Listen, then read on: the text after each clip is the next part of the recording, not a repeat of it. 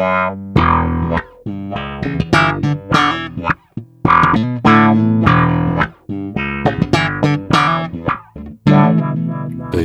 in Belgium. Welkom allemaal bij de derde aflevering van onze baspodcast Based in Belgium, waarin we telkens één iconische Belgische bassist aan de tand voelen over het reilen en zeilen in zijn of haar muzikale leven. En dat gecombineerd met alweer een schandalig goed glas wijn. We zijn een woensdagavond, uur en precieze datum doen er niet toe. De tijd staat weer even stil in Studio Le Garage om Allan Gevaert te verwelkomen.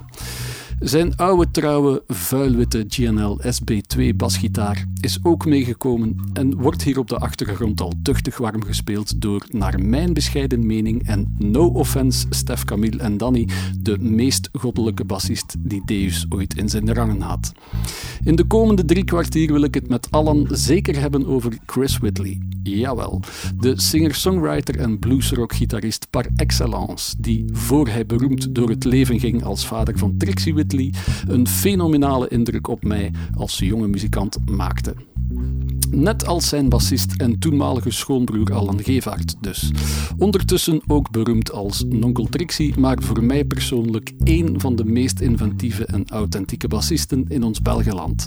Die als wilde brok natuur al opereert in de lage regionen sinds de jaren 80. Daar gooide hij al hoge ogen met twee Belgen, jawel, die postwave rockband verantwoordelijk voor belpophits als Lena en Operation Coup de Poing, om vervolgens in de jaren 90, mede door Chris Whitley, internationaal tot diep in de USA te gaan. Voor Deus in 2004 zijn hoofdberoep werd, stond hij tijdelijk op de payroll van onder andere Arno Roland of zelfs de Canadese Grammy-winning zangeres Sarah McLachlan. Een muzikant die altijd speelt trouw aan zijn eigen aard, Alan Gevaert. Dag Alan. Hey Lava, ça va Wouter? Ja, ik ben zeer vereerd dat je hier bent, hè, in mijn uh, garage. Om niet te zeggen uh, een beetje flabbergasted. Uh, niet in het minst omdat ik voor het eerst in mijn leven een keer uitgebreid kan praten met een van de muzikanten die speelden op Din of Ecstasy. En dat is voor mij eigenlijk een van de allerbeste singer-songwriter platen die ik ooit gehoord heb. Um, ja, dat is slecht. dat klopt, ja.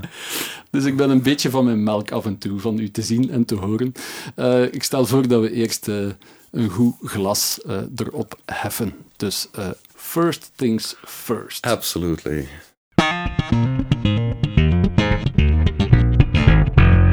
First things first. Dus wat zullen we drinken met Allan Gevaert? Allan, zijt je een wijnliefhebber of specialist of amateur? Maar kijk, hè, het is een heel simpel verhaal. Maar dus, um, ik heb ooit, als ik uh, heel jong was, een, uh, mm -hmm. een café de zonnedans, uh, herinner ik me, een wedstrijd meegedaan voor, uh, ja, dat noemde kardinaal Paf. ja, hij lacht. Maar dat was dus echt waar. Dus dat was een, een, een spel waar je verschillende handelingen moest doen. En als je miste, moest u uw, uw, uh, uw glas dus ad fundum binnen ja, dus drinken, uitdrinken. En dus uh, je kunt denken dat dat dus zeer misgelopen is. En dat was Porto. Dat was, de drank was Porto. Dat, was niet, dat was niet eens wijn. Maar ik ben uh, zodanig... Uh, ja, hoe zou ik zeggen? Ik ben, ik, ik ben in een soort coma gegaan. Oei. Zodanig echt. Ik ben... Uh, drie dagen compleet uh, ja, weg van de wereld geweest. Laveloos geweest. Toch ja. uiteindelijk wakker. Maar er is een substantie in Porto dat ook in wijn zit. En, mm -hmm. en rode wijn zeker. Dus sindsdien heb ik het altijd moeilijk gehad met echt wijn te drinken. Ik kan wel een goede wijn on, onderscheiden, natuurlijk. Van, dus ik sip links en rechts wel wat wijn, maar ik drink het niet meer echt in de zin van gelijk ah, okay. mensen bij een diner of zo. Uh, een witte wijn, daarentegen, dat kan nog wel, dat kan ik, ah, dat is raar, maar dat kan ik nog wel uh, drinken. En, uh, dus als ik het goed begrijp, is er op rode wijn een soort chemische reactie in je lichaam ja, die een soort allergie geeft. Ja, mm, ja dat is echt, dat is niet normaal. We worden gewoon helemaal precies allergisch van, precies vergiftigd of zo. Zit er een Damn. substantie in? Ja, het is spijtig, hè? Ja, heel spijtig. Heel spijtig. Het is niet gemakkelijk om in de rock'n'roll-wereld uh, te werken. En oh, wel, te laten we zeggen, ja, in de rock'n'roll-wereld is er natuurlijk niet. Uh, er zijn er verschillende soorten dranken, natuurlijk. Oké, okay, het wordt een gezellige avond. Ik voel het nu al. Maar uh, we hebben dus gelukkig een witte wijn geselecteerd. Ja. En, en, waar gaat de voorkeur dan naar uit? Een bepaald land of streek? Of, uh... goh, goh, dat, is, dat is voor mij niet zo. Je hebt er landen, landen gelijk Frankrijk of uh, Duitsland hebben ze ook af en toe echt goede uh, witte. Goh, voor mij is dat, dat, dat, maakt allemaal niet uit, maar het is wel, ik kan wel, ja, gelijk dat ik zei, ik kan wel een goede wijn onderscheiden hè, van, ja. van andere. Dus gelijk hetgeen dat we hier hebben, Mm -hmm. As we speak is wel een zeer goed wijntje, moet ik zeggen. Ja, we hebben het er net al uh, open gedaan met uh, Bernard de Vriend van Vitis Fan erbij. Uh, ja, ik ben heel benieuwd naar de, de technische fiche van de wijn, Bernard. Dus uh, wat zit er in de baar, Bernard? Vandaag keren we terug naar Frankrijk, meer specifiek de Loire-streek. Uh, in Sancerre, Centraal Loire, een regio bij uitstek voor mooie witte wijnen gemaakt op basis van Sauvignon of rode wijn gemaakt op basis van Pinot Noir. Uh, we zijn hier in het domein uh, Fleurier et Fils, Bernard Fleurier et Fils. Maar eigenlijk is de zoon die nu eigenlijk uh, het domein eigenlijk beheert, Mathieu Fleurier, een, een, een ongelooflijke ondernemer die heel veel geïnvesteerd heeft in nieuwe installaties. Uh, eigenlijk een wijnkelder die in, in, verschillende niveaus gebouwd is om eigenlijk de druiven uh, in de wijnkelder binnen te brengen uh, door via zwaartekracht. op, op, op eigenlijk, de bedoeling is dat, de druiven eigenlijk niet gebruskeerd worden door over te pompen. Dus alles via zwaartekracht, zodanig dat ze de, druiven intact binnenkomen. ze komen op, op een mooie loopband, zodanig dat er heel leksap is. hij gebruikt ook ovoidale wijnkuipen.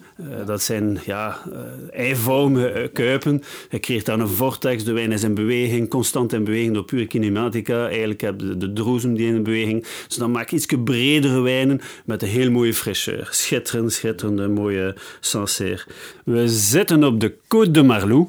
En Sancerre heeft eh, verschillende terroirs. En Côte de Marlou eh, zit op een kalkachtige uh, ondergrond, een uh, redelijk steile helling met heel veel fossielen. Dat zorgt voor een, een heel bijzondere mineraliteit, een mooie ziltigheid bijna in de wijn. Ja. En dat zorgt ervoor dat dat Sancerre die eigenlijk gaat drinken een keer dat ze drie, vier jaar oud zijn en ouder.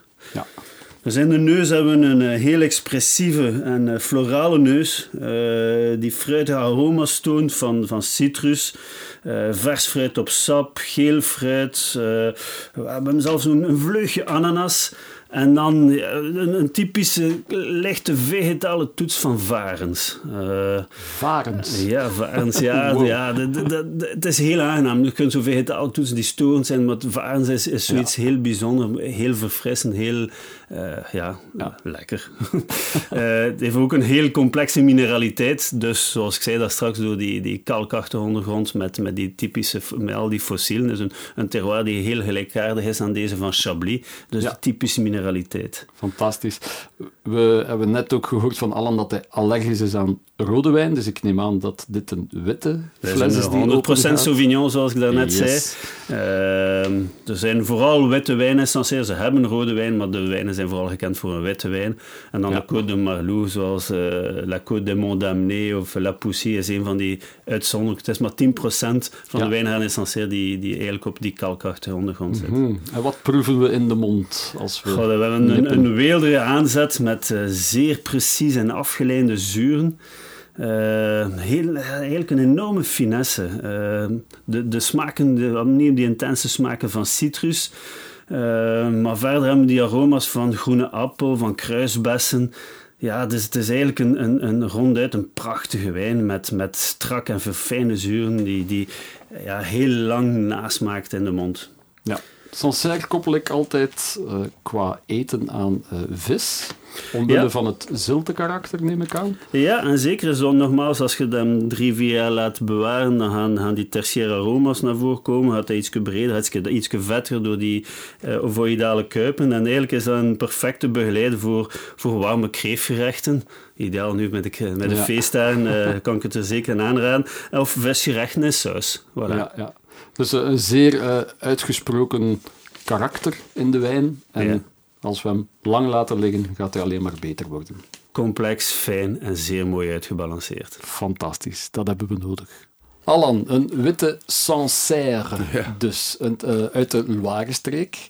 Eh, ik stel voor dat we hem even eh, open doen en uitschenken natuurlijk.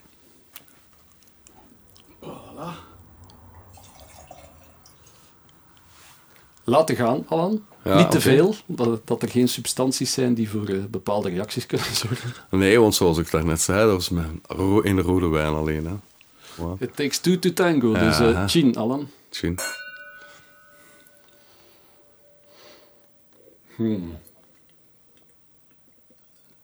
En wat, eh, wat is de eerste indruk? Die heeft een, ehm, ja, dat is, ik ken er de termen niet van natuurlijk, maar die heeft wel een zeer uitgesproken eerste impressie. Die ik heel, heel eh, goed vind. Ze is nogal eh, scherp.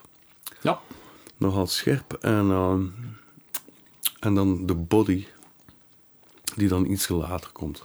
ja. Dat is ongeveer, hè? Ja, het is een wijn die heel lang nog eh, mag bewaard worden, eigenlijk. Ja. Dus nu zit hij eigenlijk redelijk eh, op het citrusniveau, het meer zuurdere in de afdronk. Ehm, maar hoe langer dat je hem bewaart, hoe belegender dat hij, dat hij zal beginnen smaken. Dus hoe beter dat hij eigenlijk eh, zal worden.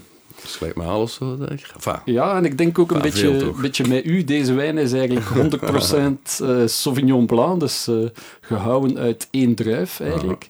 Ehm, voor mij is dat ook een beetje waar, dat, waar dat jij voor staat op Bas. Van ieder project dat ik al van u al gezien of gehoord of gecheckt heb, daar merk ik van eh, de eerste noot al van, voilà, allen is ja, daar.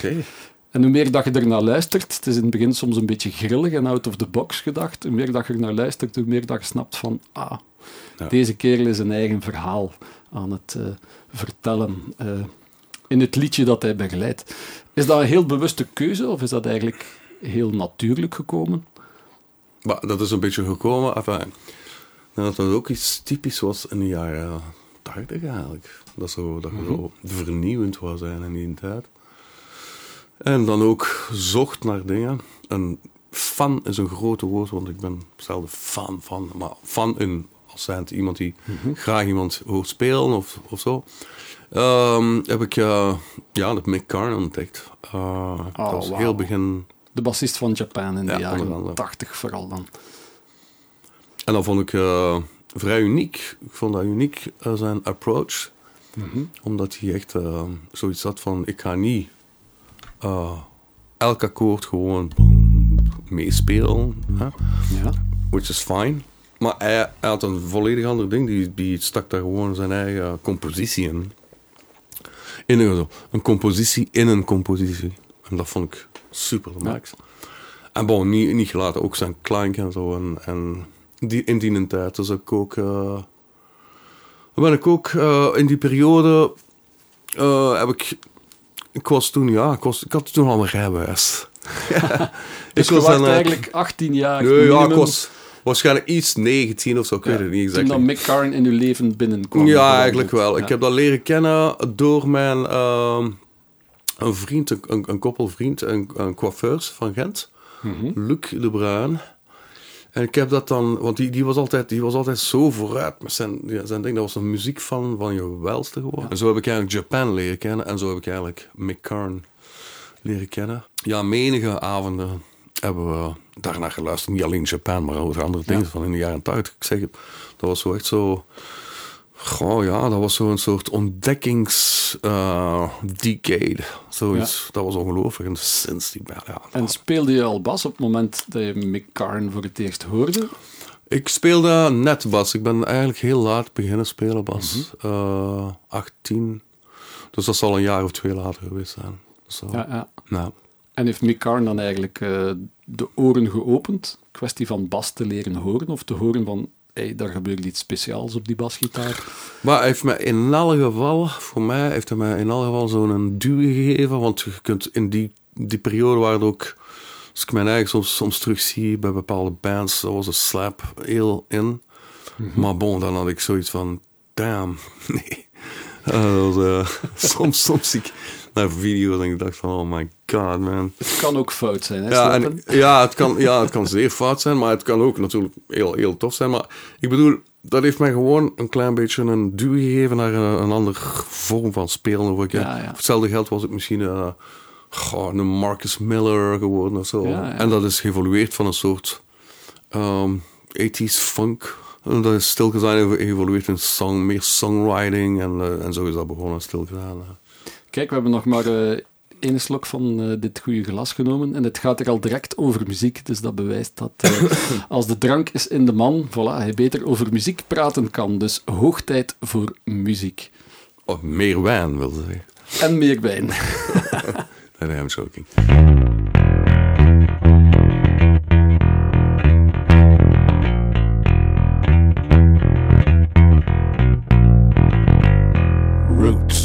Bloody roots. De roots, ofwel eh, ja, de wortels waarin Alan Gevaert eh, geworteld is, muzikaal gezien. Ehm Alan, ik moet eh, eerlijk bekennen, ik ben in 91 direct fan geworden van Chris Whitley. Dat was voor mij een, een stem en een gitaarspel die mij echt... eh it knocked me off my feet. Het optreden dat ik me best herinner in die tijd met Chris, dat Ja. was eh, de vooruit. In de vooruit, ja. Uitverkochte vooruit. Eh, eerste, eigenlijk eerst groter concert in Gent van, eh, met de plaat Living with the Law. In mijn perceptie was ik volledig flabbergasted, nogmaals. En ik ging er natuurlijk vanuit van, ja, in het cd-boekje staat ook Alan Gevaert. En ik wist ook dat dat toen de schoonbroer van Chris Whitley was. eh, dat jullie eigenlijk aangetrouwde familie waren. Dus ehm, die periode met Chris, ehm, dat is er niet zomaar gekomen waarschijnlijk. Hè. Je was waarschijnlijk al lang als muzikant hier in de Gentse scene Ja, bezig. ik heb hem eigenlijk Ehm. leren kennen als die pas in België toegekomen was. eigenlijk voor de eerste keer. We waren toen echt... Ja. Ik was 17 of zo, 17. Hij was ook zo'n paar jaar ouder, maar ja, dat was toen echt... eh, En ik heb hetzelfde ook meegemaakt, zo... Dat was een figuur, zijn gitaarspel. Dat was toen nog een beetje undefined, in de zin dat er was van die compleet eh, abstracte blues. Ja. ja, dat was zijn, zijn gitaarspel ook. Maar ik herinner me wel dat dat genre personage was die hem met zijn gitaar alleen in de Gentse Feesta. Ehm, ja, die is, eh, allee, hij, hij- hij stond daar, hij begon te spelen en zat daar in, op, op vijf minuten st- stond daar met duizend man rond hem. En ik heb hem, eh, ik weet niet of dat zijn eerste was, maar in alle geval, ik weet dat ik hem nog in de toenmalig Ekkentoe Ja. in, tussen twee sets van Koen de Kater. Optreden en Koen de, en Koen de Kater. Zag dat volledig niet zitten. Van jazz Ja omdat, hij, rock'n'roll ja, eigenlijk. omdat hij ook de sacred rules, nee, ehm, de regels van de blues overschreed. Ja, ja, dus tuurlijk. no 12 bars, 12 bars, me. Ja. 12 bars. Hallo. dat was compleet whatever gewoon. Ja. Dus die ging gewoon over wanneer, dat, wanneer dat, dat hij goesting had. Gewoon. Ja, dat was ja, niet zo ja. van, oh ja, 12 bar blues, oké. Dus ja, voilà. Dat was, eh, zo heb ik hem echt leren kennen. Ja, het was direct duidelijk dat Chris een categorie op zichzelf was. Ja, eigenlijk Ja. wel. dat was een self-thought. Self-made, self-thought. Ja. En voordat je Chris leerde kennen, eh, speelde je al in andere bands of bekendere projecten? Was er al sprake van succes voor jou of een Eh, doorbraak als bassist in God, België is- hier? Maar succes, eh, moet ik eerlijk zeggen, in die tijd, oh, dat, dat dacht ik zelf niet aan. maar Mhm. Dat was echt zoiets van... Ik, eh, muziek spelen, dat was voor mij het belangrijkste. En dingen vinden en nieuwe dingen. Maar zo, ik, succes of zo, daar heb ik totaal nooit over nagedacht in die Ja. tijd. Dus ik, eh, tot als... eh, ik denk de eerste succes, eh dingen die al ietsje bekender was, dat ik commercieel dan wel, hè. dat was Kuruki. Ooit Oh, dat zegt me niks. Nee. Kuruki, eh, dat was een band, een tech, allee, zo'n 80s elektronische eh, band, maar dat zat, er wel, dat zat wel heel goed in elkaar. Goede melodies ook, maar dat heeft, ja... Daar heb ik even bij gespeeld en dan... ehm, ik herinner me nog heel goed dat ik terugkwam van de Gent met een auto. Het was eh, nacht. Eh, en ik ging terug naar, naar mijn huis. Dat was was toen allee, in Latem, met kleine baantjes. Ja. Het was nogal mistig. En dus, eh, er komt een auto af. En ik, eh, ik, stel, ik ga zo aan de kant ook. En was- het was zodanig smal dat ik eigenlijk eh, bijna moest stoppen. En hij ook trouwens. En Dus, en we stopten bijna en die kijkt en die, ik zie hem en die zwaait. En dat was Rembert de Smet. Ah, van Rembert twee Belgen. Van twee Belgen. Die mij toen vroeg, hey, Alan, heb je geen zin om mee te passen met onze... eh, Ja, ja, ja. Dus ik wist, ik wist zelfs niet dat twee Belgen waren. En daar sta ik over toe. Dus, eh, en zo is mijn eerste sprong geweest in een meer bekendere eh, op dat moment. Hè, Ah, Oké. band. En dat was nog voor Chris Whitley, neem dat ik was, aan dan. te- dat was in, een, in, een, in terzelfde tijd. Ik, ik Ah, zat ja, toen ja. met Chris in een band, dat noemde een rodeo. Ja. Dus, en dat was ongeveer diezelfde periode. ja, want als ik mij niet vergis, heeft Chris ook een tijdje of een paar keer met twee Belgen meegespeeld. Ja, ja, dat klopt, ja. Ah, dat is een Goldnames. belpop-detail eh, Ja, van de Ah, Gouden ja vroeger in Ja. die tijd, ja. Ja. Eh, ja, inderdaad. Ja. Dat is, eh, was echt wel plezant, maar dat was allemaal, ja, twee Belgen, dat is, dat is een band met een bepaalde genre muziek. En dat, dat zijn, Ja. zijn persoonlijkheid en zijn dingen. Ja, dat is, dat is ja. En daar, daar kon jij wel de, de McCarn-factor wel serieus in Ik heb, ik heb Belgen, bepaalde dingen wel kunnen doen, maar die plaatsen zijn al minder bekend geraakt. Het was te artistiek. Ja, nee, eh, inderdaad. eh, Twee Belgen heeft ehm, tussen Lena, eh allee, dus eh, en Operation, heel, die, die heeft dat, we hebben dan nog één plaat of twee platen, ik weet niet meer. Maar dat is ja, totaal niet, eh, ja, hits. It's a strange thing, hè, man. Ja, als iedereen zou weten hoe dat een hit geschreven wordt, dan Ah, ja. heft elke hit zichzelf weer op, denk ik. Hè. Dan zijn er geen hits meer, hè. als iedereen weet hoe het moet. Nee, eigenlijk niet. En als je, al- zeker als je het verhaal van de hit van Operation Coup de Poing kent, bijvoorbeeld. Het is dan zoiets van, wauw, oké, dat is, eh, oké. Ja, want eigenlijk is dat Brigadier Sabari. Eigenlijk wel, maar Brigadier Savary was totaal niet bekend in die tijd. En dat, dat, was, dat was aan het spelen in een bar, ergens in Afrika, ik weet niet welk land. Ja. En die, de, de Rembert zat daar. En Ah, die hoorde dat en die zat van... "Tja, dat- Dus Alpha is- Blondie was op dat moment eigenlijk niet zo bekend of hadden geen wereldhit te pakken daarmee. Maar toch, ik weet niet of dat al bekend was, ja dan nee. Maar dat nummer heeft hij opgenomen op zijn cassette en zijn Sony 2 Ja, track. ja, zo. ja, ja. Terug naar België mee geweest en daar volledig iets van gemaakt. Maar wel daarna heeft hij wel, ja, hoe zou ik zeggen, heeft hij, eh, is hij eerlijk geweest en is hij wel die man gecontacteerd en gezegd van kijk, ik heb een Ja. nummer van jou gebruikt Bewerkt, om... Ja, ja. bewerkt. Ja. En voilà. Voor alle duidelijkheid misschien, want het is een legendarische baslijn, hè? Brigadier Sabari. Misschien moeten ze even spelen of zo. Yes.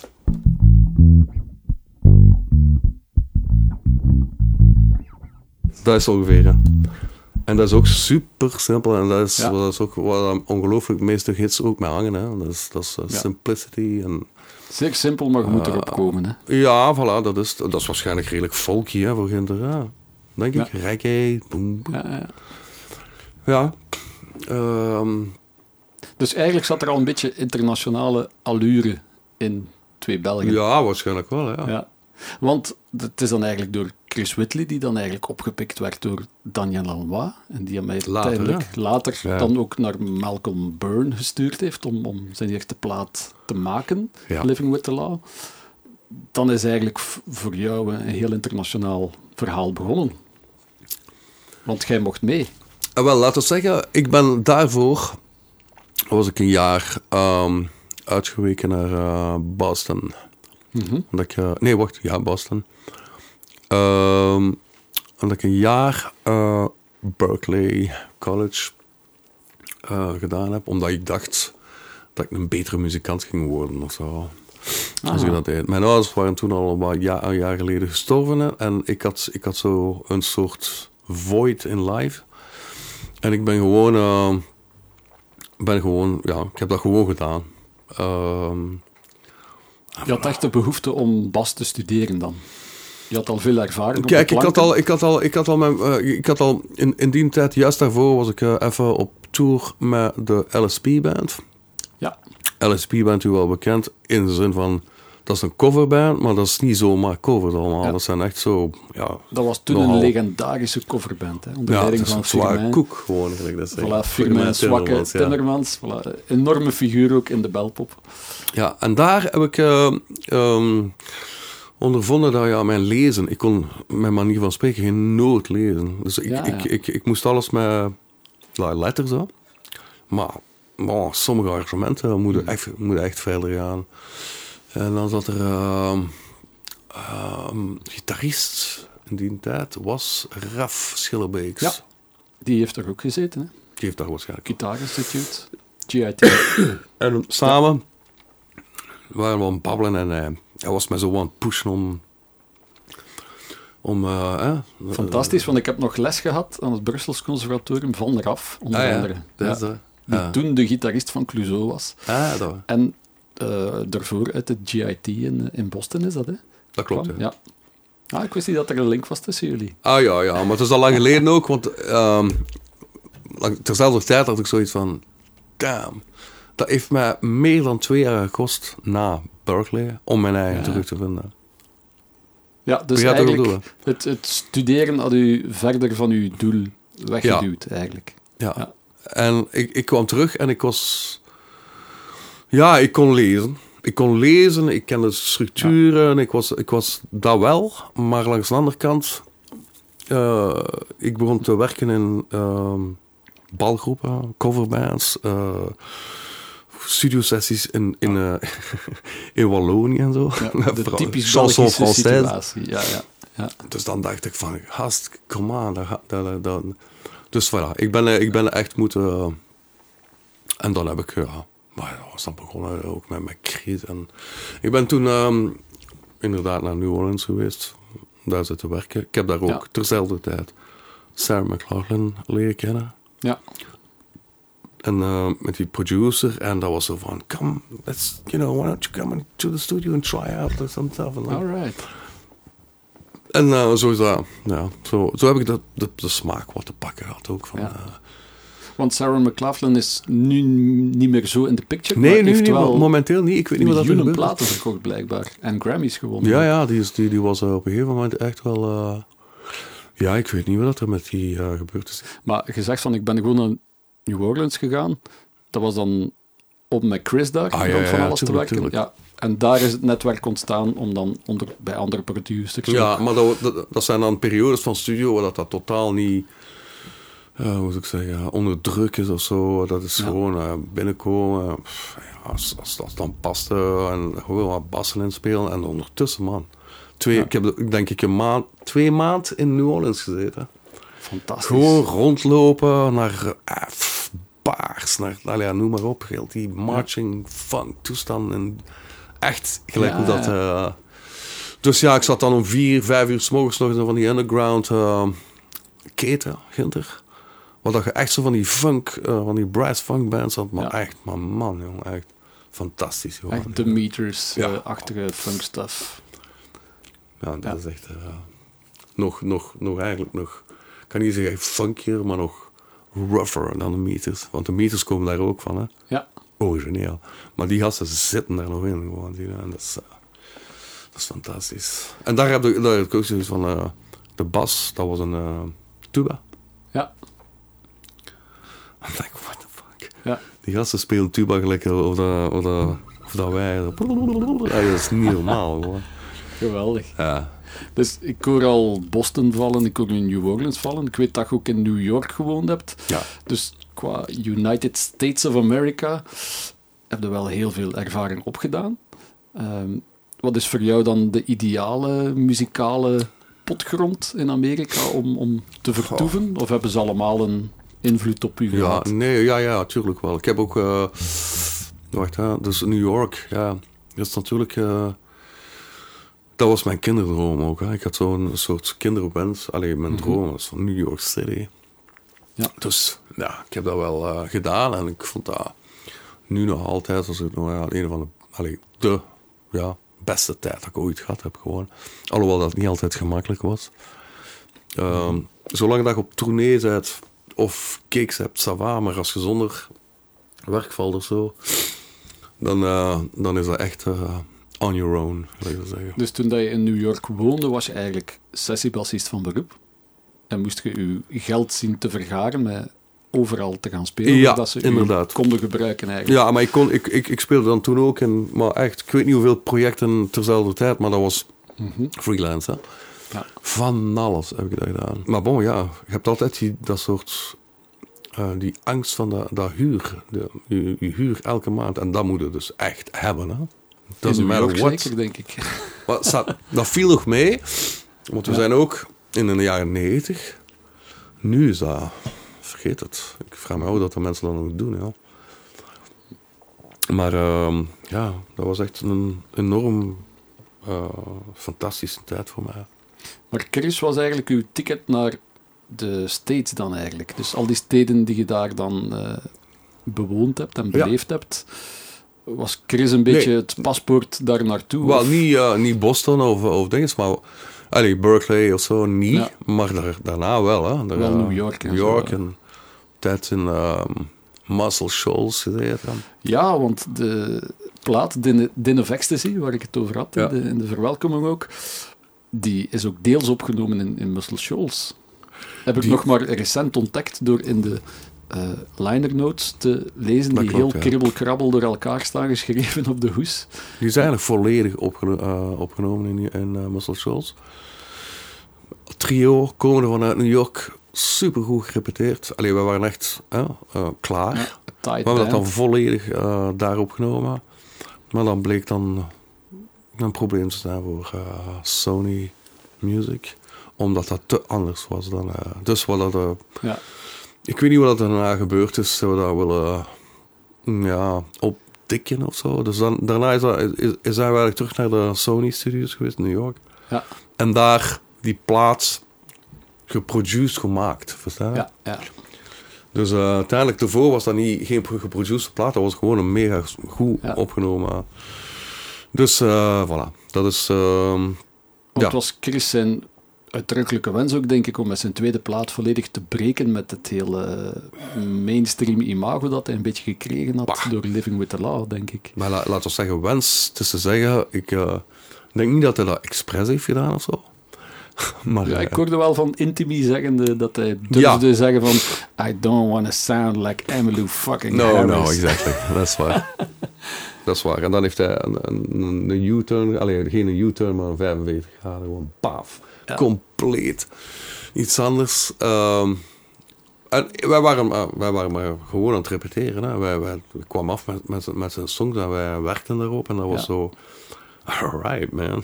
Dat En dan er muscle shows op gewoon een plaat op te nemen, dat is toch het zaligste dat er moet bestaan.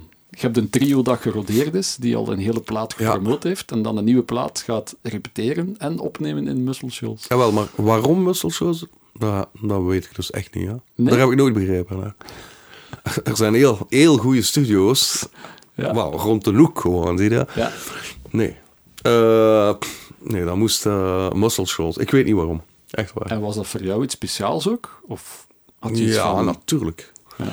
Als je ziet wat, wie en wat er daar allemaal opgenomen heeft. En ook als je die mensen leert kennen van die, ehm, eh, die originele muzikanten van, Mhm. van Soul. Zo waren die altijd allemaal, maar ik heb er toch een paar ontmoet. Onder andere David Hood. Ja, Bas. Die stond nog op de payroll van de studio toen? Oh ja, en, en de drummer ook. Die kwam af en toe langs. De rest ken ik zo gewoon niet. ehm, ja, weet je. De meeste, ik zat... eh, ja, die tijd zat ik zo... Ja, daarvoor ik zat, zat ik zo... Ik heb, ik heb de James Jamerson dinges wel... eh, Ja, dat, dat, dat was zo een van mijn... eh, de ik, ik studeerde dat graag. Dat was echt Ja. ja. super. Ehm, maar bon, daarvoor... eh voilà, dus ja. Muscle Shoals was, was eigenlijk... Dat is, het rare is met Muscle Shoals is dat het eigenlijk geplant is. Dat is gewoon, dat staat daar. En dan Ja. gaat hij weg en you're in the middle of the nowhere. Ja, hè? Het enige dat er leeft is een mal. En zijn inwoners. En That's toch, heel de wereld is daar legendarische platen gaan opnemen. Ja. Ja, van U2 tot de Rolling Stones zelfs. Iedereen is er wel ooit eens gepasseerd. En dan ook eh, een diner binnen. En weet je, als je daar zit, zie je koeien en weet je wat. Dan vraag je een beetje melk en eh, they're like, we don't have any milk. Only like, you know, dat is zo, zo van die, eh, ja, stokjes zo. hè. Ja. Niet te geloven, joh. Dus de, de, de locals rond Muscle Shoals, they don't give a damn dat daar een studio staat waar dat tuurlijk, dat muziekgeschiedenis ook, nee, geschreven wordt. Het is een, een, eh, ja, het is een rustgevende gedachte om eh, te beseffen dat de muziek belangrijk is, maar ook niet alles, eigenlijk. Ja, nee, dat is waar. Ehm, ik zit er juist aan te denken dat ehm Muscle Shoals, dat is, dat is, ik, ik zat daar ook soms uren gewoon, ik ga niet zeggen mij vervelen, maar gewoon, Ja. je kunt daar dus niks doen. Dat. er is daar niks gewoon. Dus ja, Er is geen zwembad gelijk in de ICP. nee, nee, nee, nee, nee. ja. Of geen helikopter die landt naast de Galaxy Studio. je de- kunt blijven kijken naar de houten platen rond u. Ja, ja, ja. Ja, toch ook al wel. Ja, dat is wel Heel waar. plezant. Maar ja, door Chris Whitley eigenlijk heb je dan eigenlijk toch heel Europa ook afgereisd. Een groot stuk van de States. Want als ik YouTube check op eh Alan Gevert live Chris Whitley, dan komt er zowel bij filmpjes van Jay Leno, Late Night Show, waar dat je dan plots in verschijnt, als Ohne Filter, een heel Ja. programma op de, de Duitse eh, televisie. Een heel populair programma met heel goede ja, eh, muziek erop, live. Mhm. Ook Franse programma's. Ehm, ja, hoe, intensief was dat tourleven? Goh, dat was, eh, hoe zou ik zeggen, ja, dat was voor mij ook de eerste keer dat ik zo, eigenlijk zo dat genre tours deed. Dus dat was, eh, ja, dat was snoepen, hè. snoepen gewoon. Echt waar. Eh, eh, de eerste keer bijvoorbeeld dat ik naar de States toe kwam en wij, wij hebben de tournee van Tom Petty eh, Ja. geopend.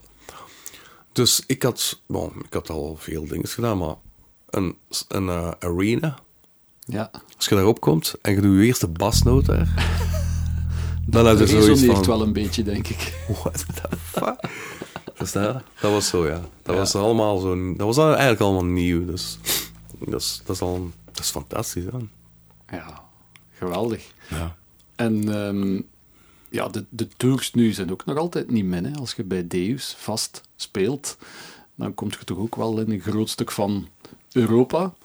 Heb je dan zoiets van, oh, dit heb ik ooit al allemaal een keer gedaan, Ja, dat heb ik een beetje gehad? Of eh, blijft het interessant eigenlijk? Ik, ik hou er wel van. Het, eh, ik, ik heb dat altijd, ja, ik heb dat altijd heel graag gedaan. En trouwens, of, of dat dan nu in het begin is of nu, of, dat, is- dat blijft een ongelooflijk ding van hoeveel dat je moet doen. Dus reizen, eh, in kluis, soundchecks, dit, dat, dat. Om dat uurke, of dat uur en een half, gewoon op de planken te rijden. Ja. Dat is gewoon, als ik daarop denk, is dat nog altijd zoiets van, what? Ja. Charlie En- Watts heeft het ooit uitgerekend, het schijnt. Hè. Die heeft ooit Heeft een dat- bepaalde ja? periode alle, alle minuten en seconden opgeteld dat hij eigenlijk aan het wachten was. En dat afgewogen tegen de effectieve uren dat hij op zijn Ah, wel, drumstoel wel, op het podium moest, zat. ik, moest, ik, moest dat omdraaien Ja. in uw pre? Maar manneke. We're not only in it for the money. Oh my yes. god.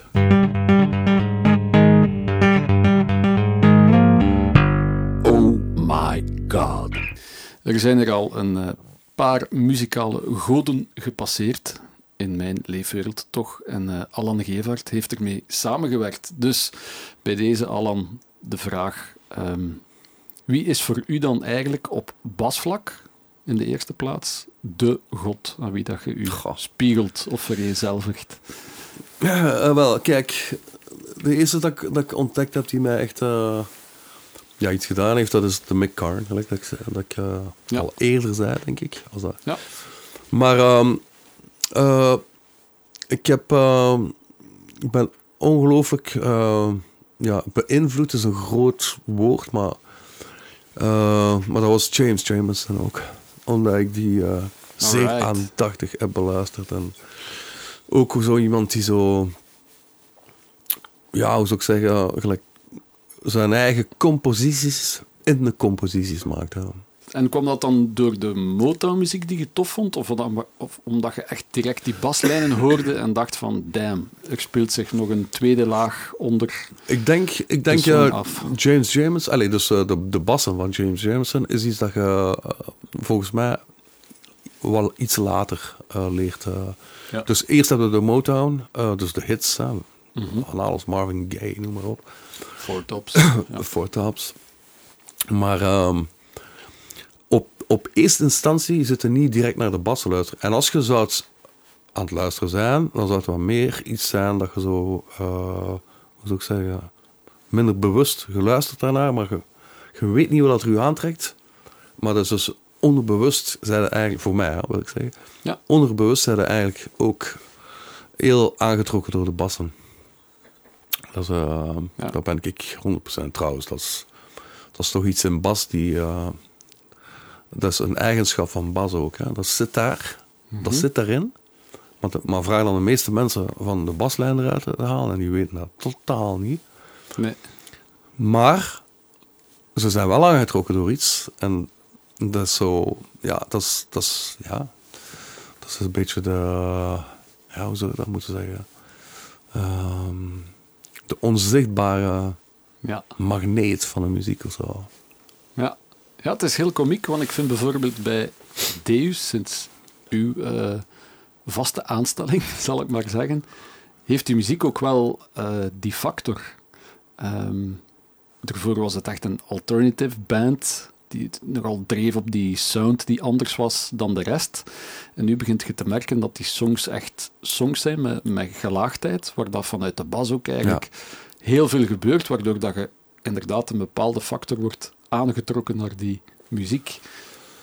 Dat klopt, denk ik. Allee, ik heb het is natuurlijk niet eh, dat je daarop zit te denken als je dat doet, natuurlijk. Eh, maar ik vind, allee, ja, soms heb ik zoiets van, ik weet, ik, eh, ik heb baslijnen gespeeld in de laatste platen, die, eh, die er echt staan, gewoon. Maar dat wordt niet echt, ja, hoe zou ik zeggen, dat wordt niet echt eh, ehm, opgemerkt of zo. Dat zit daar. Sommige mensen zullen dat wel horen of zo, maar meestal zoals ik daarnet zei, de mensen beluisteren naar een stuk muziek.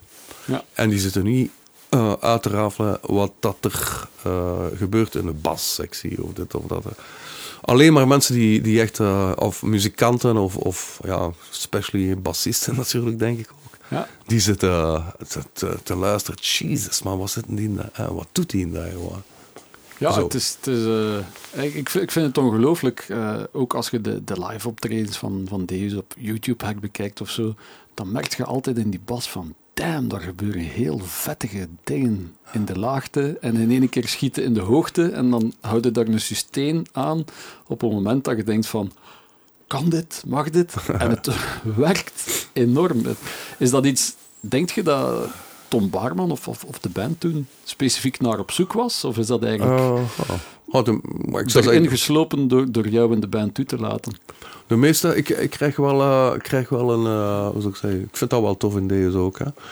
Dat je dus echt een vrijheid krijgt als, als muzikant Ja. van te doen. Natuurlijk, ja, als het niet past, past het niet. Ja, gelijk, natuurlijk. maar maar de vrijheid is wel, is wel fantastisch eigenlijk.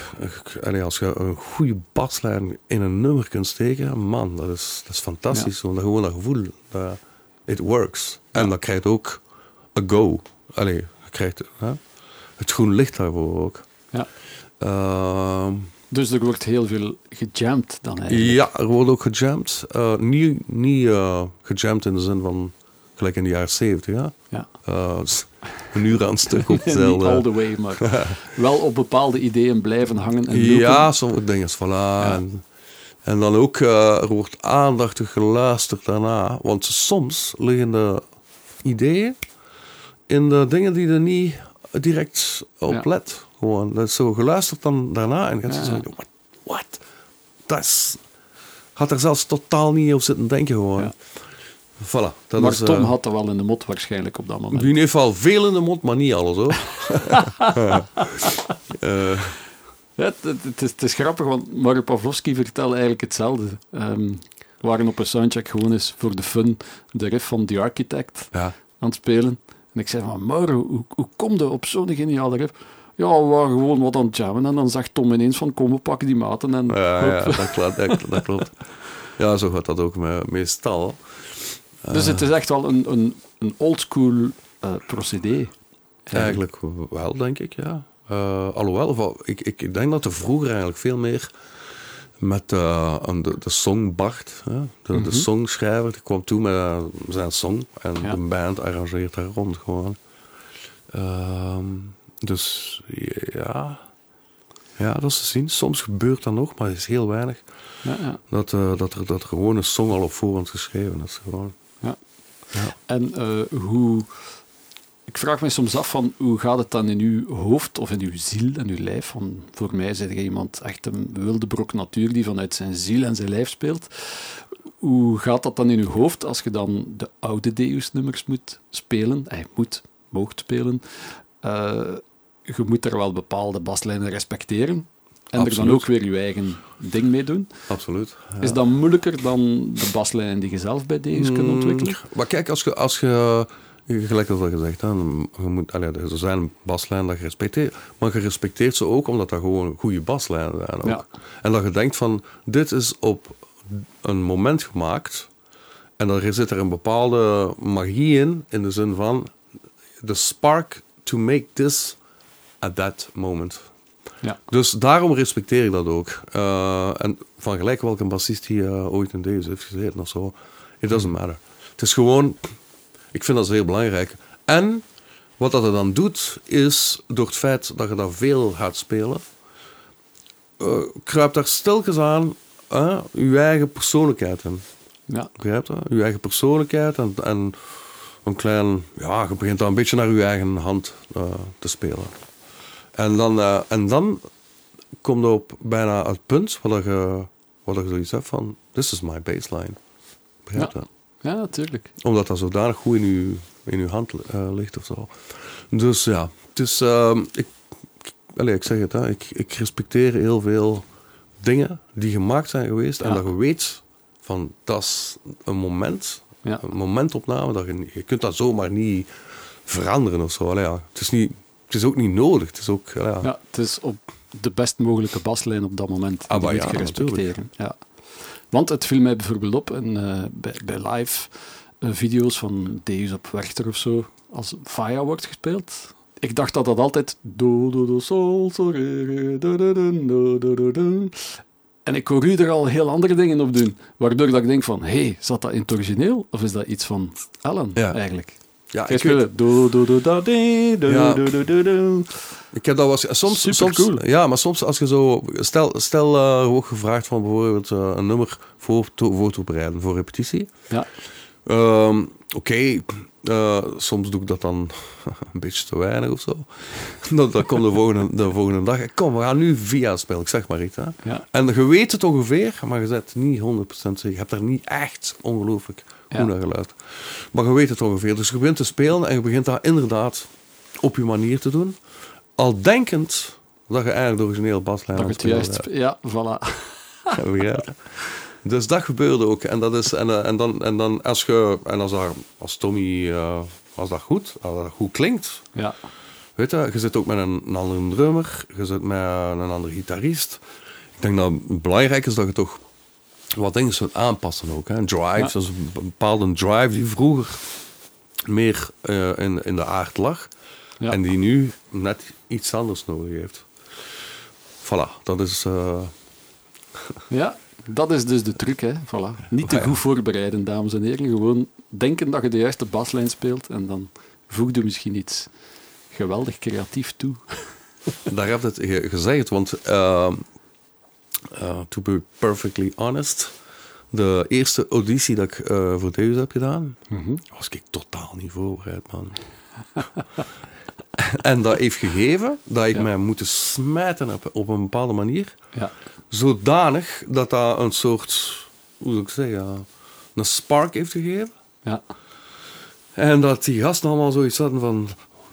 eh, ik, denk, ik denk dat er op een gegeven moment... Tom na, bij mij is gekomen of zo van... Ik dacht, zegt hij... dat ik de verkeerde akkoorden aan het spelen was. Zodanig zelfverzekerd dat je aan het spelen waart. Verstaan?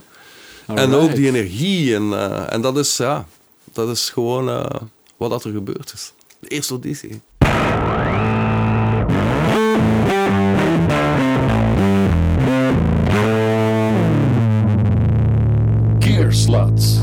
Alan, in eh, bepaalde credits van eh, cd's waar dat jij al meegewerkt hebt, eh, lees ik toch vaker iets meer als bas. Er staat meestal bass, pedals en low-end, dubbele punt, Alan Gevaert.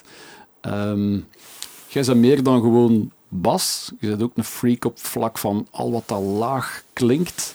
En ik heb een vermoeden dat pedalen daar toch ook wel een serieus hulpmiddel in zijn. Zijn je een pedalenfreak eigenlijk? Pedalenfreak zeker niet meer. Ik was een pedaalfreak. Ja. Maar nu niet meer. In de zin van, er komt ook, maar er komen nog wel wat dingen uit links en rechts, maar dat is niet meer... ehm, En wat zijn zo de workhorses dan, als je bij pakweg Deus moet spelen of, eh, of andere sessies doet? Wat, wat zit er altijd in het, in het pedalenbakje? Ik heb altijd bon, mijn, eh, mijn, eh, allez, mijn, mijn freeze. Ik ben er zot van. Ik kan er Electroharmonics, dat klein, Electro, klein bakje, maar dat gebruik ik ook veel met andere bands ook en, eh, en, en dingen. Ik vind dat, ja, als je dat wat met licht dingen doen, kunnen wel op eh, heel toffe dingen komen. En dan mijn, ehm allez, mijn, mijn distortions. Ene die op ja, medium, hè, dus een beetje grunge staat en een andere vol een bak. dat, Ja. dat- eh, en er links ervan heb ik eh, een, eh, de Harry Balls. Ja, van Jan de Tremmery. Exactly. Ja, ik heb dat ook lang geleden gekocht hoor. Hij maakt ze niet meer. nee, hij maakt ze niet meer. Nee. Bij deze, ze Jan, als je luistert, gelieve weer een badge Harry Ball Ja, pedalen te maken. Want is- Alan Gevaert speelt ermee. Ja, en ik ben niet de enige die... allee, s- soms als ik dat speel en sommige mensen zeggen, maar ja, welke pedaal is dat? Ja. Ik moet dat ook. En ik zeg, ja, ik denk niet dat dat nog... eh maar bon. Dus eh, omdat dat... Je kunt dat gebruiken in, in bepaalde combinaties. En eh, dat, is, dat, is een, dat, is een, dat is echt een monster, die pedaal. Als je dat, als je dat echt openzet op... eh, voor de rest gebruik ik eigenlijk weinig. Ik heb van alles... eh, ehm, de, de, allee, hoe noemt dat? De pot. Ehm, De POG, eh, de, De- poch, ja, ja. pardon. hè. de octaver, de uitgebreide octaver. Ja, dat heb ik veel gebruikt ook. van de compressors, alleen noem maar op. Maar Ja.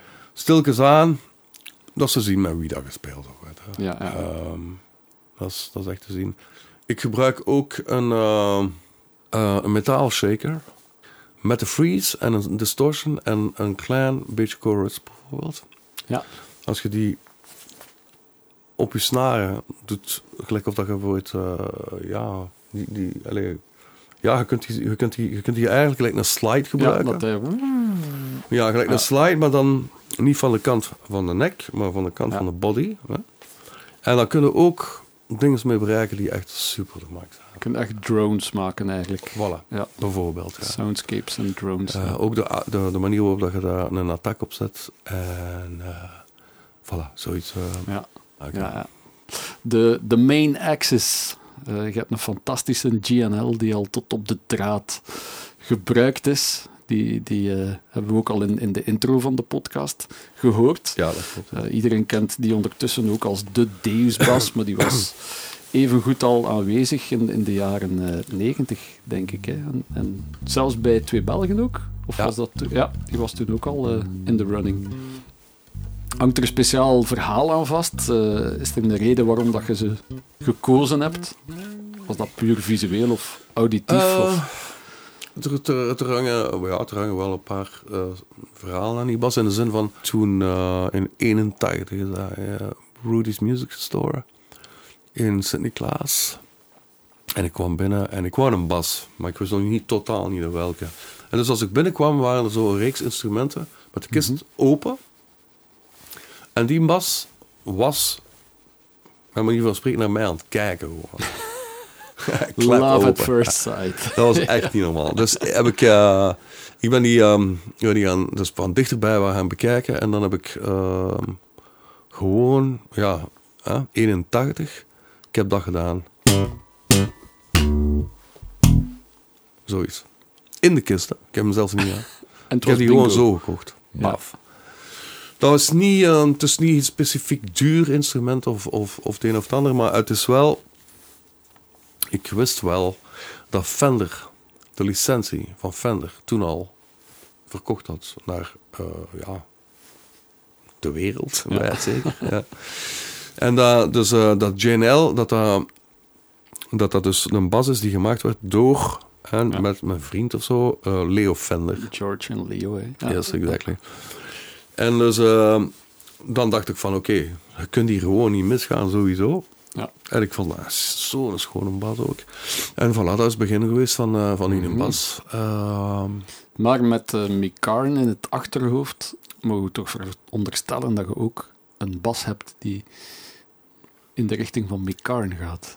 ja, dat klopt, ja. De welke leunt er dichtst bij Mikarn aan van uw collectie? Well, eh, laten we zeggen, de McCarn bas. ehm, ik, ehm, ik had toen wel geld eigenlijk. Anders zou ik dat dus niet kunnen gedaan hebben. Maar dat was zo, eh, je, hebt, je hebt dat zo van die soort eh, impulsen. Ehm, ik heb gewoon mijn auto genomen en rechtstreeks de grens over naar High Wycombe. Yes. Waar dat, dat klein fabrieksje eh, van Wall was. En Ja. ik, was, ik was echt, ja ik, ja, ik was een beetje, hoe zou ik zeggen... Ik was eigenlijk ge- een beetje verblind. Alleen door... Ja, ja. En ik kwam daartoe en, en er stonden er drie. Mhm. Normaal gezien. Dan eh, bestelde u een bas, dat kleur, dit en dat. eh. Ja. Ik had zoiets van, a moment. I gotta go back to Belgium. ja. Ik kan je niet, eh kan je niet lege handen naar huis. Ik heb die gewoon meegenomen. Eh was vrij duur, maar dat zijn ook volledig handgemaakte Ja. alles. En dat is wel eh, een zeer, zeer eh, ongelooflijk instrument eigenlijk. Maar ja, dat, is, dat zijn zo van die eh, invallen. als je ook fan bent van iemand, maar ook de sound in die moment, dat moment. Ja, heel herkenbaar. Hè? In, in die tijd was Ja. het heel populair. Hadden bijvoorbeeld ook, denk ik, Hans de Bakker van Remo van het Groenewoud. Ja. Had ook een wall waarmee hij die, al de hits van de Remo opnieuw heeft ingespeeld. Dus dat was een sound die wel hier op de Vlaamse ethergolven bekend was. Philippe Moortgat, denk ik ook. Bij Ja, ik, Luna- ik, ik herinner me, ik denk van wel dat dat was. Dat was wel Ja. Hè? Dat was met Fred. Hè? Ja. Ehm, er zijn er weinig die een hebben. Ik ken er een paar eh, vrienden van Ja. mij die ook eh, een wall hebben. Eh, Ik denk dat Geert Maaschalk ook zeker eh, Ja, enkele wall heeft. Dat is echt zijn ding ook. Maar de jouwe is een fretless, hè? de, de, eerste, de eerste wall is Ja. fretless, ja. En eh, ik zag nog ergens online ook een, een filmpje opduiken waarin dat je een oude jazzbas hebt, denk ik. Of was het een Eh, Precision? Precision. Die ooit moet eh, toebehoord hebben aan Jaco Pastorius. Ah, dat klopt, ja. Of is dat een broodje aap, dat verhaal? Nee, dat is geen broodje aan. Dat is echt, maar dat is Vertel. zeer moeilijk eh, van een certificaat van dat. Heb ik nu, ja. Maar dat is als eh, eh, Chris gitaarbouwer ehm, in New York. Ja. Ehm, die dat ingenomen heeft, die bas. Terwijl dat het verhaal is dat Jacko en een vriend in uh, Jacko schijnt eh, heel fucked up eh, op het einde van zijn leven. Ja. enorm drugs en drank. eh, En bipolair ook, denk ik. en bipolair. En die heeft die een bas voor de ogen van die gast gewoon in twee, allee, kapot ges, ges, gesmashed gewoon. Die, en, ehm, en die gast, niet wetende wat dat hij hè, is, Ja. die een bas eigenlijk bij die Chelsea Guitars en dat, Ja. is dat gewoon gaan binnenbrengen bij hem. En dat heeft daar jaren eh, gezeten. Finally. En Chris heeft hij gekocht voor mijn verjaardag. Wauw. Ja. Chris Whitley die een basgitaar voor u koopt, man. Ja. Ik, eh, ik kom een beetje klaar. En dat wil daarom niet zeggen dat ik, eh, doordat ik dat uh, Donnelly uh, zit en studeren ah, dat gaat niet vanzelf als je op een bas van Jaco nee, nee. speelt. Ah, spijtig, spijtig.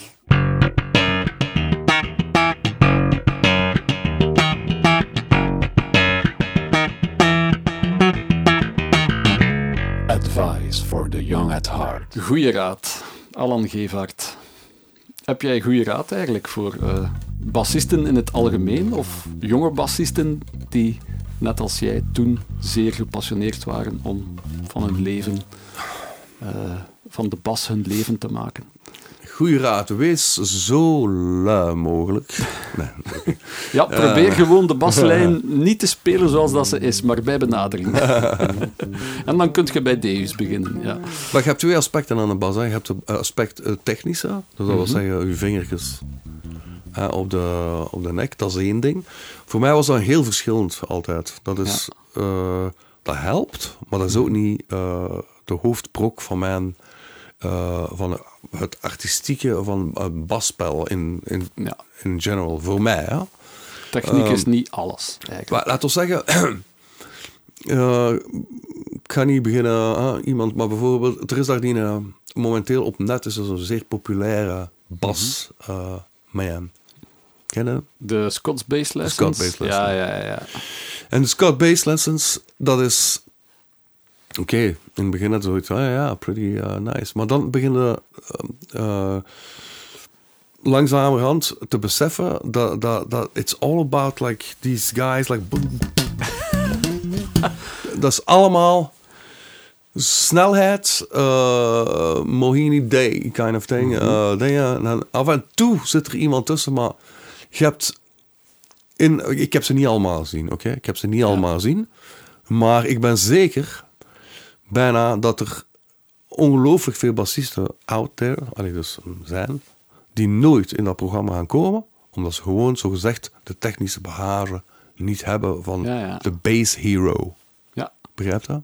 Ja. Die worden gewoon niet opgemerkt. Trouwens, zo gaat dat in de meeste collecties eh, van onze plaat en zo. Dat is, de meeste bassisten zijn nooit over. Allee, je hebt er wel, maar heel veel en goeie dat ertussen zit, dat er nooit van gehoord zullen hebben. Ja dat is... En ehm, daarmee wil ik zeggen, eh, maar dat is dan mijn persoonlijke mening. Ik, eh, dus de techniek is belangrijk om uw ideeën te dragen eigenlijk. Ja. Begrijp je? Maar dat is niet, eh, dat is niet, ja, dat is niet, hoe moet ik zeggen, essentieel in die zin van soms is een baslijn zodanig ongelooflijk, maar zo simpel, man. En dat is, Ja. Soms gaat het eigenlijk, als je te technisch bent en te, gaat het zelfs te ver Ja, zouden nooit op een baslijn kunnen komen. Met een, met een simpele baslijn die ongelooflijk, eh, zeg maar iets groove en eh, eh, ja, hoe moet ik dat uitleggen? en ook gewoon het, het ondersteunen van een song gewoon. ja. Als je te veel weet, ga je waarschijnlijk ook Soms iets wel. te ver zoeken. Ik denk nou wel tussen zien welke genre muziek dat je zit. Als je met Weather Report speelt natuurlijk, kun je Ja. al een keer zeggen van oké, ja. Maar eh, Maar bij de Pixies, Kim Deal... Bijvoorbeeld. ook, eh, je hebt er veel, hè. We zouden het eigenlijk veel kunnen opnoemen. Ehm, wat dat de bas eh, moest daar een, een, een, ja, hoe zou ik zeggen, een echte technische Mhm. jazzer geweest zijn.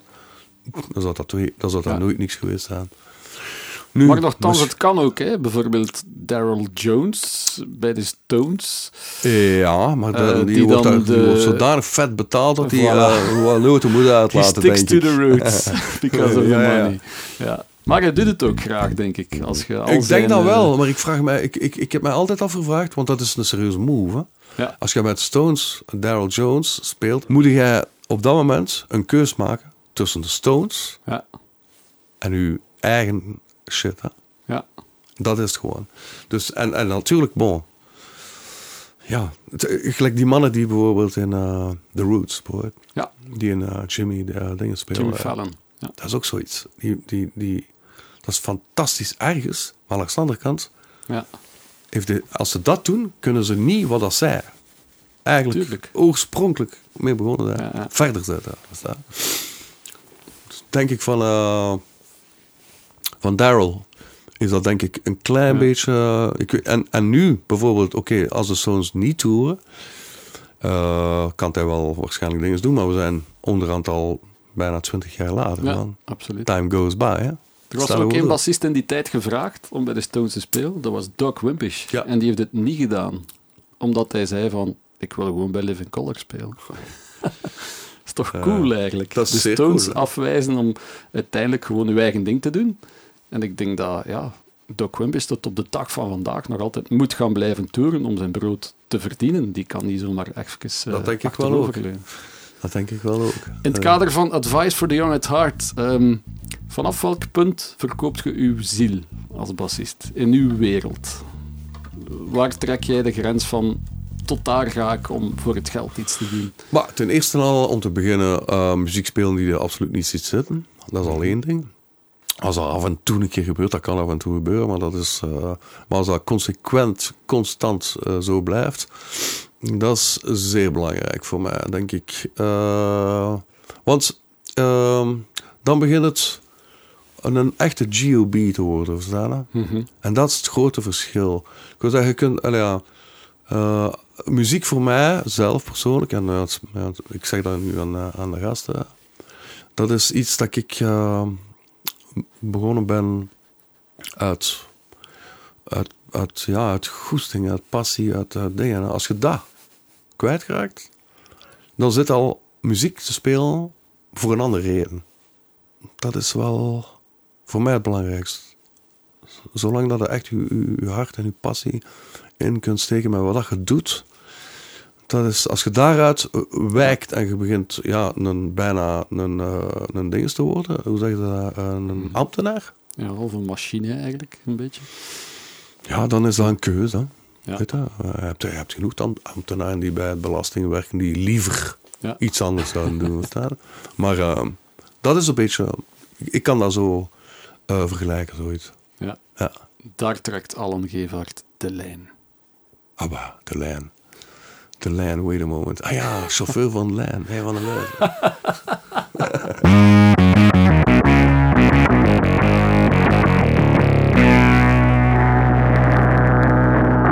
It takes two. Dilemma's. Ooit staan we in het leven voor uh, hartverscheurende keuzes. En uh, ik heb voor jou ook een aantal keuzes op een rijtje gezet. Ik ben benieuwd. Ah, dus, dus ik krijg zomaar die keuzes. Ja, het is het een of het is het ander. Dat is eigenlijk de, de bottom line. Klaar? Ja. De eerste. GNL of Wall? Mm. Goh, dat is zoals... Uh, ik denk dat ik sowieso voor de GNL zou gaan. Omdat, uh, omdat dat een meer... Ja, ik kan daar eigenlijk bijna alles mee doen. In de zin van, als, als de frets van de GNL bijvoorbeeld waar versleten zijn... En, en gesimuleerd uh, manier van spelen van een fretless kunnen er bijna geraken. Allee, het is niet helemaal hetzelfde, maar dan draai je die toon wat dicht en uh, dan hebben we zo... Maar dat is een handige tip die we er gratis bij krijgen. Tweede dilemma. Muscle Shoals of de Deus Vantage Point Studio. Oh, Muscle Shoals natuurlijk. Maar dat is ook niet uh, helemaal te vergelijken. Hè? Dus, uh, Tuurlijk niet, maar het zijn ja, dilemma's. Het nee, maar dilemma's. de Studios, dat is, niet, dat is een studio, maar dat is niet geen commerciële studio waar dat constant techniekers zijn die, die daar updaten en alles. Dus gelukkig dat is gewoon niet, gelukkig nee, nee. James Jamerson of Mick Karn. Oh, oh maar Kill your darlings. oh, jezus. Niet te veel nadenken. Uh, ik zou gaan voor Mick Karn. Alright. Fretless of fretted? Ik heb dit eigenlijk al gezegd. Hè, ja, eigenlijk wel, ja. Alright, fretted dus. Volgend dilemma. Malcolm Byrne of Daniel Lanois? Uh, ik zou gaan voor um, Malcolm Byrne. Ja? Um, alhoewel. Uh, wacht, Malcolm, dat was de rechterhand hè, van, uh, ja. van, van Daniel Lanois. Daniel Lanois is natuurlijk uh, maar ik denk, ik denk dat, ja, Daniel Lanois waarschijnlijk. Nee, toch, om, om maar, om, omdat ik ging zeggen van, van, van een soort, uh, het verschil tussen de twee uh, ego's. Mm -hmm. Maar dan moeten ze toch, ze hebben allebei een, dus it doesn't really matter. Alle twee artiesten natuurlijk. Oké, okay. Scott's Bass Lessons of toch liever buschauffeur bij de lijn? Maar is dat niet een beetje hetzelfde eigenlijk? eigenlijk wel, eigenlijk wel. En als laatste dilemma. Gaan bassen bij de Stones of eindelijk uw eigen soloplaat opnemen bij u thuis? Oh my god. Hartverscheurend. Dat is zeer hartverscheurend. Ik zou bijna durven zeggen, eh, voor eh, de elan van het leven, zou ik bijna durven zeggen dat ik voor mijn eigen ding zou gaan. Alright, daar kijk ik enorm naar uit en daar drink ik op met deze fantastische Sancerre.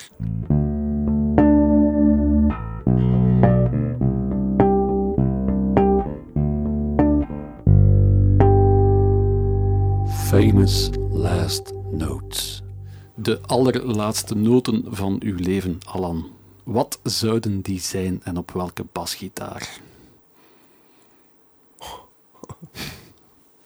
Dat zijn wel zeer, hoe zou ik zeggen, zeer scherpe vragen hè, eigenlijk. Ja, ah, dus het wordt toch iets van Mick Karn uiteindelijk. Maar als je toch iets moet kiezen, uh, gewoon om de reden dat ik, uh, dat, dat gewoon een soort, voor mij, ja, een soort opening was mm -hmm. van de stijl en, um, en ook de lijnen, hè, de, de composities, de baslijnen. En hoe, hoe heet het nummer? Eigenlijk. Well, laten we zeggen, uh, ik, um, het nummer noemt uh, Tribal Down. Mm -hmm. uh, dat is echt, hoe zou ik zeggen, dat is een baslijn uit zijn eerste solo-LP. Dus niet van Japan, echt zijn solo Dat is niet van Japan, dat is zijn eigen ding. En ook, man, de volledige platen zijn dingen die ik maar, wat minder vind, omdat die een klein beetje te, ja, hoe zou ik zeggen, will, um, ja dat gewoon bij minder aanspreken. Ja, maar dit, die baslijn, er zijn er nog een paar andere op die plaat. Mhm. Dat zijn echt, dat zijn gewoon juweeltjes gewoon, op, die compleet op hun eigen kunnen staan. Ik ben heel benieuwd, want ik ken het totaal niet, moet ik bekennen. Dus eh, let's hear it, Alan Gevaert. Oké.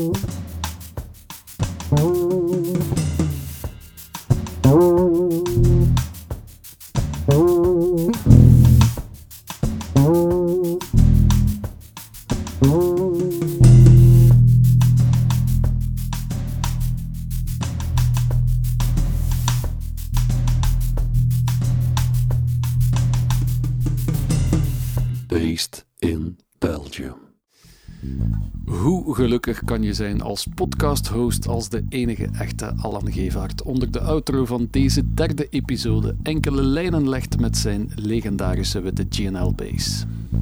Check zeker ook ons YouTube-kanaal Based in Belgium als je de song die Alan daarnet op zijn fretless inspeelde wil horen en zien. Meer achtergrond bij de wijn die we daarnet uitschonken vind je steeds op de site vitis.vin. Zo, de derde aflevering zit erop. Het is nu uitkijken naar onze volgende basgast. Benieuwd of die ook een rasechte karakterbassist is, die zijn stempel doordrukt op elk stuk muziek dat hij speelt, zoals Alan Gevaert. Of is het meer een chameleon met andere inzichten? Ik onthoud althans van Alan Gevaert dat Muscle Shoals ook een plek is waar je je kunt vervelen en dat de omwonende mensen daar niet wakker liggen van wereldhits. En ik neem zeker ook de tip mee dat je je fretted bass kan laten zoomen als een fretless zonder dat je er de frets van afneemt. En bovenal, Scott Divine is ook ooit als buschauffeur begonnen. Dus het zit wel snor met onze techniek. Alles is relatief, zo blijkt, al dus de Albert Einstein van de basgitaar, Alan Gevaert. Ondertussen ga ik samen met Vitis Vin alvast op zoek naar de ideale wijn om onze vierde basgast in de juiste sfeer te brengen en zo te komen tot een even interessant gesprek als ik vandaag had met topbassist Alan Gevaert. Bedankt Alan. Ja, Wouter, graag gedaan. Man. Ah, bedankt ook Bernard van de Baar en uh, bedankt jij daar, luisteraar.